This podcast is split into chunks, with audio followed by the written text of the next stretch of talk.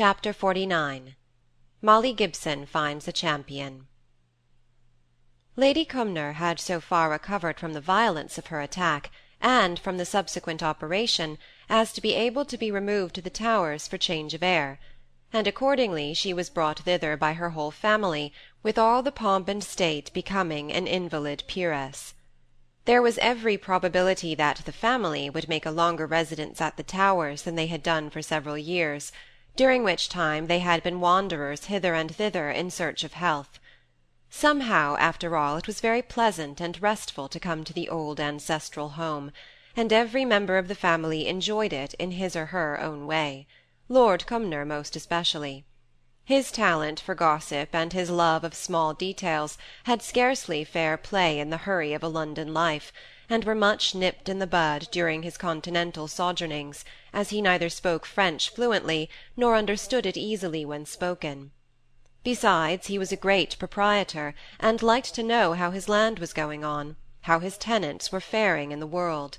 He liked to hear of their births, marriages, and deaths, and had something of a royal memory for faces. In short, if ever a peer was an old woman, Lord Cumnor was that peer but he was a very good-natured old woman, and rode about on his stout old cob with his pockets full of halfpence for the children, and little packets of snuff for the old people. Like an old woman, too, he enjoyed an afternoon cup of tea in his wife's sitting-room, and over his gossip's beverage he would repeat all that he had learnt in the day. Lady Cumnor was exactly in that state of convalescence when such talk as her lord's was extremely agreeable to her, but she had condemned the habit of listening to gossip so severely all her life that she thought it due to consistency to listen first and enter a supercilious protest afterwards. It had, however, come to be a family habit for all of them to gather together in Lady Cumnor's room on their return from their daily walks or drives or rides, and over the fire, sipping their tea at her early meal, to recount the morsels of local intelligence they had heard during the morning. When they had said all that they had to say, and not before, they had always to listen to a short homily from her ladyship on the well-worn texts, the poorness of conversation about persons, the probable falsehood of all they had heard, and the degradation of character implied by its repetition. On one of these November evenings they were all assembled in Lady Cumnor's room. She was lying, all draped in white and covered up with an Indian shawl, on a sofa near the fire. Lady Harriet sat on the rug, close before the wood fire, picking up fallen embers with a pair of dwarf tongs, and piling them on the red and odorous heap in the centre of the hearth. Lady Cuxhaven, notable from girlhood, was using the blind man's holiday to net fruit nets for the walls at Cuxhaven Park. Lady Cumnor's woman was trying to see to pour out tea by the light of one small wax candle in the background, for Lady Cumnor could not bear much light to her weakened eyes and the great leafless branches of the trees outside the house kept sweeping against the windows, moved by the wind that was gathering. It was always Lady Cumnor's habit to snub those she loved best. Her husband was perpetually snubbed by her, yet she missed him now that he was later than usual, and professed not to want her tea but they all knew that it was only because he was not here to hand it to her, and be found fault with for his invariable stupidity in forgetting that she liked to put in sugar before she took any cream. At length he burst in. I beg your pardon, my lady, I'm later than I should have been, I know. Why, haven't you had your tea yet? he exclaimed, bustling about to get the cup for his wife. You know I never take cream before I've sweetened it said she, with even more emphasis on the never than usual. Oh dear, what a simpleton I am! I think I might have remembered it by this time. You see, I met old Sheepshanks, and that's the reason of it. Of your handing me the cream before the sugar? asked his wife. It was one of her grim jokes. No, no. Ha, ha! You're better this evening, I think, my dear. But as I was saying, Sheepshanks is such an eternal talker, there's no getting away from him, and I had no idea it was so late. Well, I think the least you can do is to tell us something of Mr. Sheepshanks' conversation, now you have torn yourself away from him. Conversation? Did I call it conversation? I don't think I said much. I listened. He really has always a great deal to say, more than Preston, for instance. And by the way, he was telling me something about Preston. Old Sheepshanks thinks he'll be married before long. He says there's a great deal of gossip going on about him and Gibson's daughter.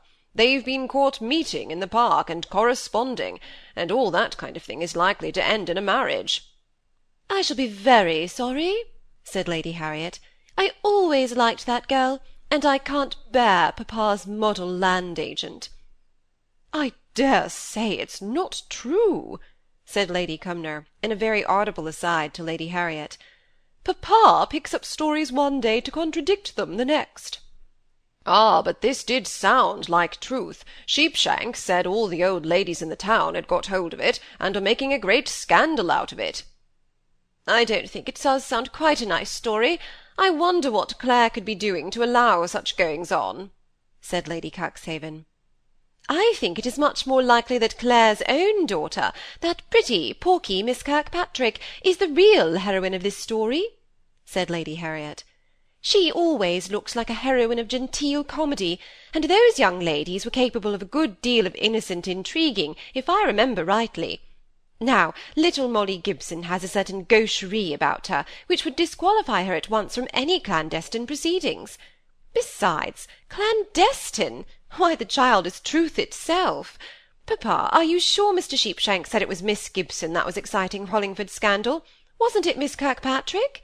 The notion of her and Mr. Preston making a match of it doesn't sound so incongruous, but if it's my little friend Molly, I'll go to church and forbid the banns. Really, Harriet, I can't think what always makes you take such an interest in all these petty Hollingford affairs. Mamma, it's only tit for tat. They take the most lively interest in all our sayings and doings.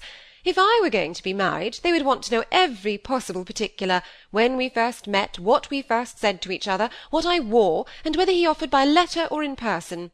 I'm sure those good Miss Brownings were wonderfully well informed as to Mary's methods of managing her nursery, and educating her girls, so it's only a proper return of the compliment to want to know on our side how they are going on. I'm quite of papa's faction. I like to hear all the local gossip especially when it is flavoured with a spice of scandal and impropriety, as in this case, said Lady Cumnor, with the momentary bitterness of a convalescent invalid. Lady Harriet coloured with annoyance. But then she rallied her courage, and said with more gravity than before, I am really interested in this story about Molly Gibson, I own. I both like and respect her, and I do not like to hear her name coupled with that of Mr. Preston. I can't help fancying papa has made some mistake. No, my dear, I'm sure I'm repeating what I heard. I'm sorry I said anything about it, if it annoys you, or my lady there. Sheepshanks did say Miss Gibson, though, and he went on to say it was a pity the girl had got herself so talked about, for it was the way they had carried on that gave rise to all the chatter. Preston himself was a very fair match for her, and nobody could have objected to it. But I'll try and find a more agreeable piece of news. Old Margery at the lodge is dead, and they don't know where to find some one to teach clear starching at your school, and Robert Hall made forty pounds last year by his apples. So they drifted away from Molly and her affairs, only Lady Harriet kept turning over what she had heard in her mind with interest and wonder. I warned her against him the day of her father's wedding, and what a straightforward, outspoken topic it was then. I don't believe it. It's only one of old Sheepshanks' stories, half invention and half deafness. The next day Lady Harriet rode over to Hollingford, and for the settling of her curiosity, she called on Miss Brownings and introduced the subject. She would not have spoken about the rumour she had heard to any who were not warm friends of Molly's. If Mr. Sheepshanks had chosen to allude to it when he had been riding with her father, she would have soon have silenced him by one of the haughty looks she knew full well how to assume but she felt as if she must know the truth, and accordingly she began thus abruptly to Miss Browning. What is all this I hear about my little friend Molly Gibson and Mr. Preston? Oh, Lady Harriet, have you heard of it? We are so sorry. Sorry for what?